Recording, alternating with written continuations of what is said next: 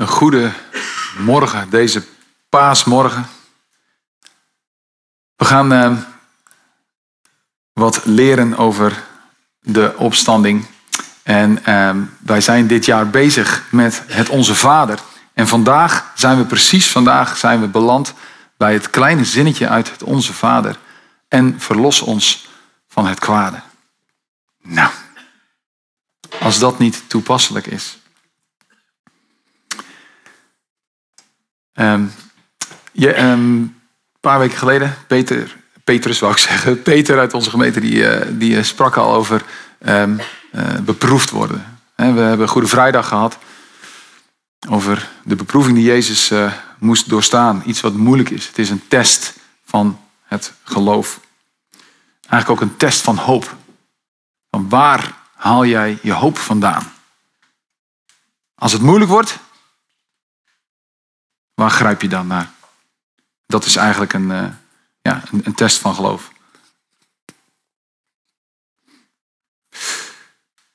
God wil ons niet ten val brengen.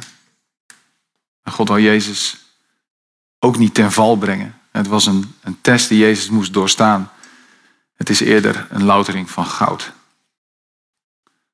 Eigenlijk het vuur aan de schenen krijgen en dan als overwinnaar opstaan. En Jezus, ja, hij heeft met vlag en wimpel deze test doorstaan, of niet? En vandaag behandelen we dus het tweede gedeelte uit dat gebed. Verlos ons van het kwaad. Dit gaat over geestelijke strijd. Die strijd die is gewonnen. Dat vieren we vandaag op, uh, ja, op elke zondag, maar zeker ook op deze paaszondag. We gaan lezen uit ja, Marcus 16.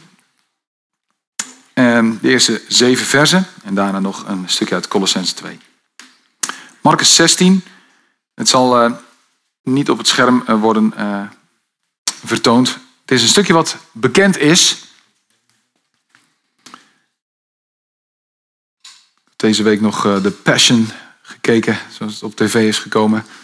Heel bijzonder ja, hoe het na werd gespeeld, hoe, ja, hoe het ging rond de kruising en de opstanding van Jezus.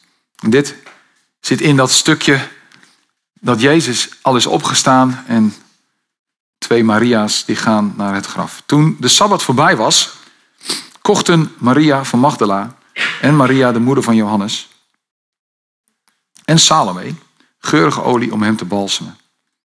Op de eerste dag van de week gingen ze heel vroeg in de ochtend, vlak na zonsopgang, naar het graf. Ze zeiden tegen elkaar, wie zal voor ons de steen voor de ingang van het graf wegrollen. Toen ze opkeken, zagen ze dat de steen al was weggerold. En het was een hele grote steen. Ik lees even tot hier. Het was een hele grote steen. Ik kom daar straks op terug. De volgende tekst die ik wil lezen, komt uit de brief aan de Colossensen, Colossensen 2. Paulus heeft een brief geschreven om uh, aan de gemeente in Colosse uit te leggen hoe het zit met het geloof. En ehm, hij heeft het daar eigenlijk over wat we vieren met Pasen. Colossense 2, vers 12 tot 15. Ik hoop, het is een beetje een moeilijke tekst, maar dat we dit vandaag echt mogen, mogen vatten. Vanaf vers 12. Toen u gedoopt werd, en dat gaat dus over mensen die in die gemeente daar al gedoopt zijn. Ik weet niet of u al gedoopt bent. Weet van velen van wel. Maar dat is een gedoopt worden, dat is ondergaan in het water en weer boven het water uitkomen. Net als, als symbool voor de, het, het neerdalen in het graf wat Jezus heeft gedaan, maar met hem opstaan uit de dood. Toen u gedoopt werd, bent u immers met hem begraven. En met hem bent u ook tot leven gewekt. Doordat u gelooft in de kracht van de God die hem uit de dood heeft opgewekt. Het is diezelfde kracht. U was dood door uw zonde en door uw onbesneden staat. Maar God heeft u samen met Christus levend gemaakt toen hij al onze zonden kwijtschot.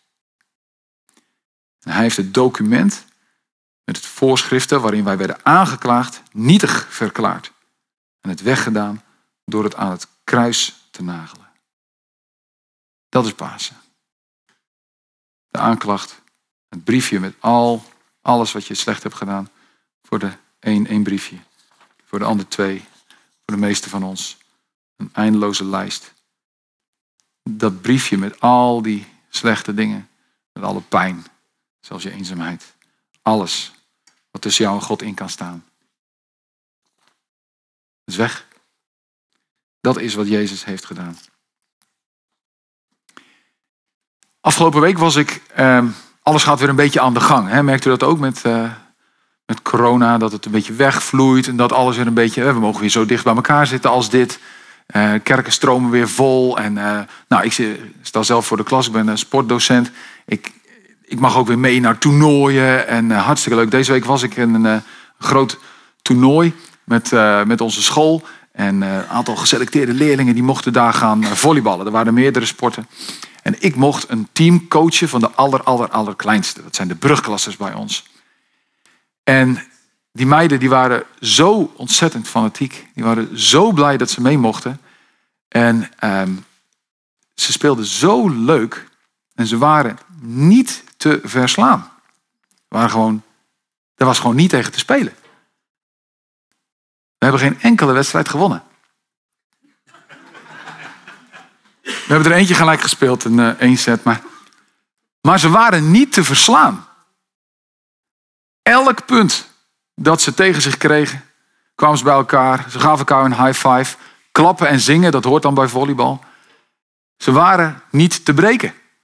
We moesten tegen teams die veel en veel en veel beter waren. En elke keer kwam die bal weer keihard op me af. En zelfs eentje die kreeg een bloedneus, is echt gebeurd. En nou ja, die werd. De volgende set stond ze er gewoon weer in. Er was gewoon niet van ze te winnen. En, en de tegenstanders ook, die dachten, wat is dit? Die blijven maar gaan. Misschien een beetje een gek paasverhaal, maar dit is opstandingskracht. Dat je niet blijft liggen, maar dat je doorgaat en doorgaat. En dat heeft Jezus ook gedaan. Hij kreeg zoveel over zich heen en elke keer weer vergaf hij. En begon weer opnieuw. Er was niet van te winnen.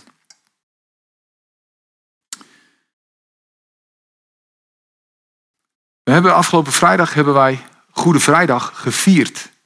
Een heel apart feest. Waarin we eigenlijk nadenken en een soort een lijden van iemand vieren. Vele van jullie waren daar hier ook uh, bij bij deze dienst. En uh, het, is een, het, het, was, het is een ingetogen sfeer. Het is een, een, een raar iets om stil te staan bij een martelwerktuig, het kruis. Maar het kruis leert ons dat er vergeving is. Dus om steeds opnieuw te beginnen. Dat is wat Goede Vrijdag ons leert. De kracht van vergeving. En eigenlijk zoals, net, zoals we net gelezen hebben in Colossense 2. Dat elke keer dat Jezus iets werd aangedaan en dat ging steeds verder en verder. Dat hij zegt, vergeef het hem, want ze weten niet wat ze doen. Ten diepste hebben ze geen idee dat ze de zoon van God aan het kruis nagelen. En elke keer als het verder ging, zelfs tot de dood, vergeeft hij hen. Elke keer weer. Jezus kon dat doen omdat de kracht van God ja, hem die kracht gaf, zeg maar, om dat, om dat te vergeven. Dat is onmenselijk. Maar Jezus heeft die aanklacht, die er dan tussen hen en de mens in staat, die, die, ja, die, die blokkade, die heeft hij weggehaald. Dat papiertje, die aanklachtformulier, zeg maar, met alles erop, die heeft hij weggehaald. En dat betekent dat je weer opnieuw kunt beginnen met elkaar.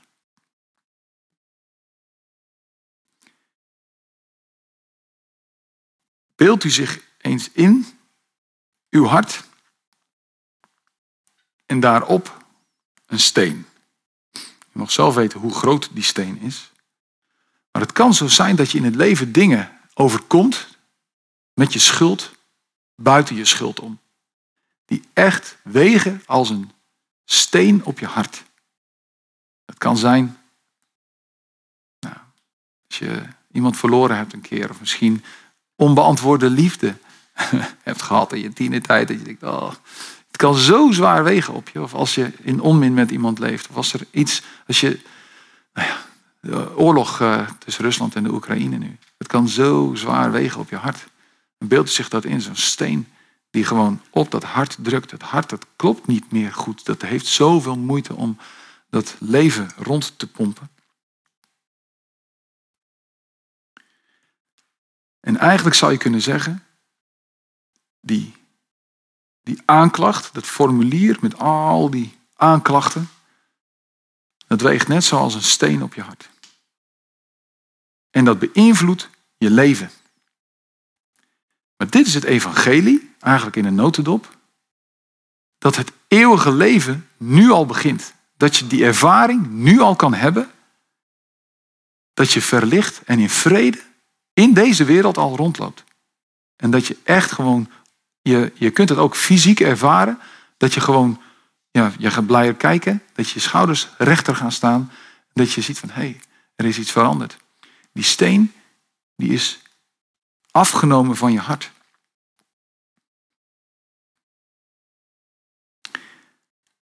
Die steen, dat kan een struikelblok zijn. Moet je je voorstellen dat je die steen van je hart aflegt en dat je die neerlegt op de drempel van je huis. Ik weet niet hoe groot de steen u zich net heeft bedacht. Maar elke keer als iemand bij jou binnenkomt, dan struikelt hij. Ja, je hebt er wel mee gedeeld, je weet dat het, dat het er is geweest, maar je houdt hem wel en je legt hem op de drempel van je huis. En elke keer weer struikel jij erover. Iemand die met jou in relatie staat, die bij jou thuis wil komen, die struikelt daarover. Dat is niet wat Pasen is. Dat is niet, ik weet dat dit er is en ik leg hem maar op de drempel van mijn huis. We lazen net dat Maria en Maria en Salome bij het graf kwamen.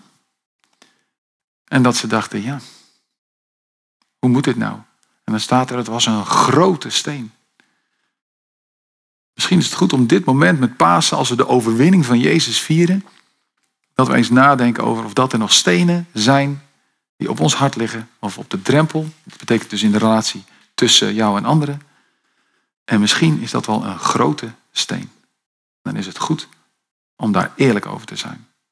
Want de kans is groot, ik denk 100%, dat hij je leven nu beïnvloedt. Dat hij drukt. En dat is niet de verlichting van de overwinning van Jezus met Pasen. Sterker nog, Jezus zelf is zo'n steen geweest. Het staat geschreven in de tekst die gaat over dat Jezus eigenlijk een steen des aanstoots is. Dus oud-Nederlands. Maar dat is gewoon een struikelblok. Er is een steen waar je constant tegenaan loopt. Maar wie loopt er nou tegen Jezus aan? Wie ervaart dat als negatief? Dat zijn degenen tegen hem ingaan. Die zeggen dat ze het eigenlijk zelf wel kunnen. Jezus die had eigenlijk, als je ziet hoe hij met mensen omging, was hij zo liefdevol en zo mild, zo vriendelijk. Kinderen, mensen die het moeilijk hadden, uh, meelaatse, zieken, vrouwen in die tijd. Hoe, hij, hoe mild hij daarmee omging. En waar hij hard tegen was, degene die hem als struikelblok ervaarden, dat waren degenen die dachten dat ze het wel even wisten, die hem dus niet nodig hadden. Daarvoor was hij een struikelblok. Er stond iets in ja, tussen hen. De schriftgeleerden, de fariseeën misschien wel eens van gehoord. Maar Jezus is van een struikelblok tot een belangrijke bouwsteen geworden. Eigenlijk was hij dat vanaf het begin natuurlijk al. Dat is de echte identiteit. Maar ja, je kunt hem ervaren als een struikelblok. Maar eigenlijk wil hij niets liever dan een belangrijke steen zijn in het bouwwerk van je leven. Dat is Pasen. Niet een struikelblok. Niet iets ja, wat tussen jou en anderen instaat of tussen jou en God. Maar eigenlijk Jezus en zijn werk zien als een, hé, hey, hier wordt iets moois gebouwd. Je kan nu verder opbouwen en niet struikelen en vallen. Er staat dan dat de bouwlieden, die hebben eigenlijk Jezus gewogen, of die steen, en die hebben hem verworpen. En dat is Goede Vrijdag. Maar met Pasen zien we dat hij ja, de hoeksteen is geworden van ons geloof. En die opstandingskracht en die, dat opbouwen, dat gebeurt dan eigenlijk als een soort weder opbouw. Ik zei net al, er zijn verschillende stenen. Er zijn verschillende momenten in het leven dat je eigenlijk opnieuw moet beginnen. En als je dat hebt meegemaakt, dan weet je dat je redding nodig hebt. Dan ben je alleen. Ik moest denken aan mensen die door een scheiding heen zijn gegaan. Gelukkig is mij dat niet overkomen. Maar ik weet dat als je door. Ik heb genoeg daarover gesproken met mensen en ook het lijden gezien. Als je daar doorheen bent gegaan, dan kijk je daarna ook milder naar degene die daarin zitten. Dan is er niet oordeel, maar dan is er hulp en een luisterend oor. En als je daar doorheen bent gegaan en je bent, en uh, dat is overwonnen, of het is, het is achter je, maar er is vergeving geweest, of het is, het is weg, dan kun je daarna ook weer anderen helpen. Er is weer opbouw. Maar dat is wel door het lijden heen. Moest denken aan het verlies van een dierbare. Onze, mijn, onze oud oma is uh, twee dagen geleden overleden. Ik denk twee dagen geleden s'avonds. En het was tijd. Het was goed zo. Maar het verlies blijft een verlies. Ze zeggen wel eens de dood hoort bij het leven. Maar de dood hoort juist niet bij het leven. Ik hoop dat we dat snappen. Het is nooit Gods wil geweest, de dood. Daarom heeft Jezus hem overwonnen. De dood hoort niet bij het leven. Het komt wel, maar het is niet Gods wil geweest voor de mensen en voor de hele schepping. Als je door het verlies van een dierbare een keer heen bent gegaan, dan kun je dat, die zwakheid die je dan ervaart, gebruiken om mensen te snappen die ook daar doorheen zijn gegaan.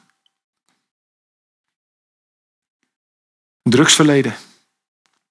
Als je daar, als je vast hebt gezeten en je bent daar doorheen gegaan, dan kun jij hoop zijn voor iemand die erin zit. Of eenzaamheid. Als je echt een diepe, diepe, diepe eenzaamheid hebt ervaren. En je ervaart dan dat je niet alleen bent, maar dat God altijd bij je is. Helemaal in het diepste en in het donker. En je weet, God is altijd bij me. Hij laat mij nooit alleen. Dan kun jij ook weer hoop zijn voor anderen. Het is eigenlijk de kracht die daar aan gekoppeld is, is die opstandingskracht. Jezus laat dat zien met Pasen. Als we in dat beeld van die steen verder gaan, dan zou je kunnen zeggen dat iedereen in zijn leven, in, bij dat huis wat ik net beschreef, in de tuin, dat daar een vijver is. En wat Jezus doet met Goede Vrijdag, met Pasen, is dat hij zegt, ik vergeef je, ik ken je pijn en je lijden, geef mij die steen. En dan gooit hij hem in de vijver. En als het ware de, het effect van dat die steen in die vijver wordt gegooid, vergeving, verlossing, de deining van die golven, die zie je om je heen in de mensen of in je, in je relatie met anderen. Als jij, als jij vergeven bent, of als je ooit eenzaam bent geweest, of als je ooit ziek bent geweest en er is een verandering gekomen, dan gaat dat zijn effect hebben. Om je heen, op je werk, in je gezin. Mensen die je op straat tegenkomt. Mensen die je ziet op televisie. Zelfs in oorlog. Dan kun je anders kijken. Het heeft een effect. En dat is het evangelie.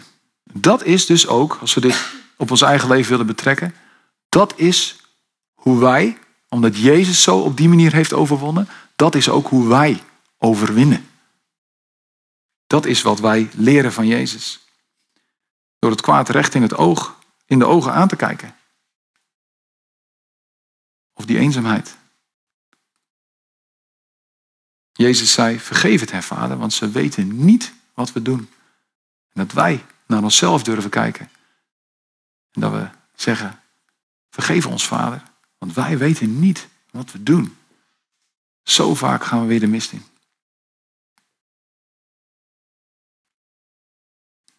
Maar het is met Pasen dat Jezus opstond uit de dood. En hij laat zien wat het resultaat is van opnieuw beginnen.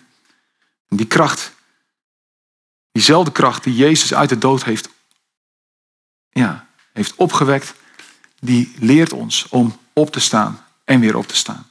En weer op te staan en weer op te staan.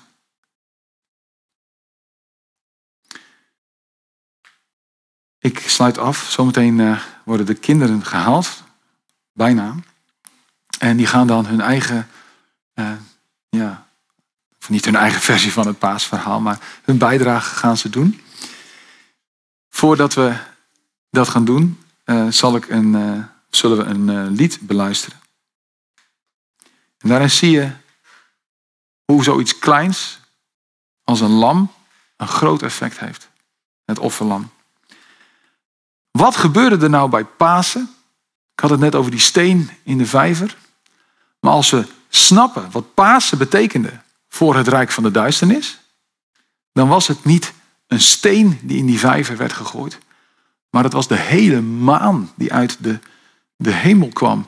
En die hele vijver compleet ja, verwoestte. Een enorme steen, zo groot. Alle alle onrecht van de hele wereld kwam in die vijver. En die hele vijver, die jij kent als de vijver waar ergens mijn zonden begraven liggen, werd vernietigd. Profetisch gezien is dat wat er met Pasen is gebeurd. En dat lezen we in Openbaring 21, vers 1. Johannes die kreeg een visioen. En die zag wat er als alles hersteld zal worden, Uiteindelijk. Wat Jezus heeft gedaan met Pasen. In de tussentijd waarin wij nu leven. Als hij vooruitkijkt over waar het heen gaat. Die hoopvolle toekomst. Dan zegt hij. Ik zag een nieuwe hemel en een nieuwe aarde. Want de eerste hemel en de aarde zijn voorbij. En de zee was niet meer. Er is geen vijver meer. Er is niet eens een zee. En in dit kader wordt de zee, een ander woord ervoor is gewoon de afgrond, het kwaad. Het is weg. De steen is weg.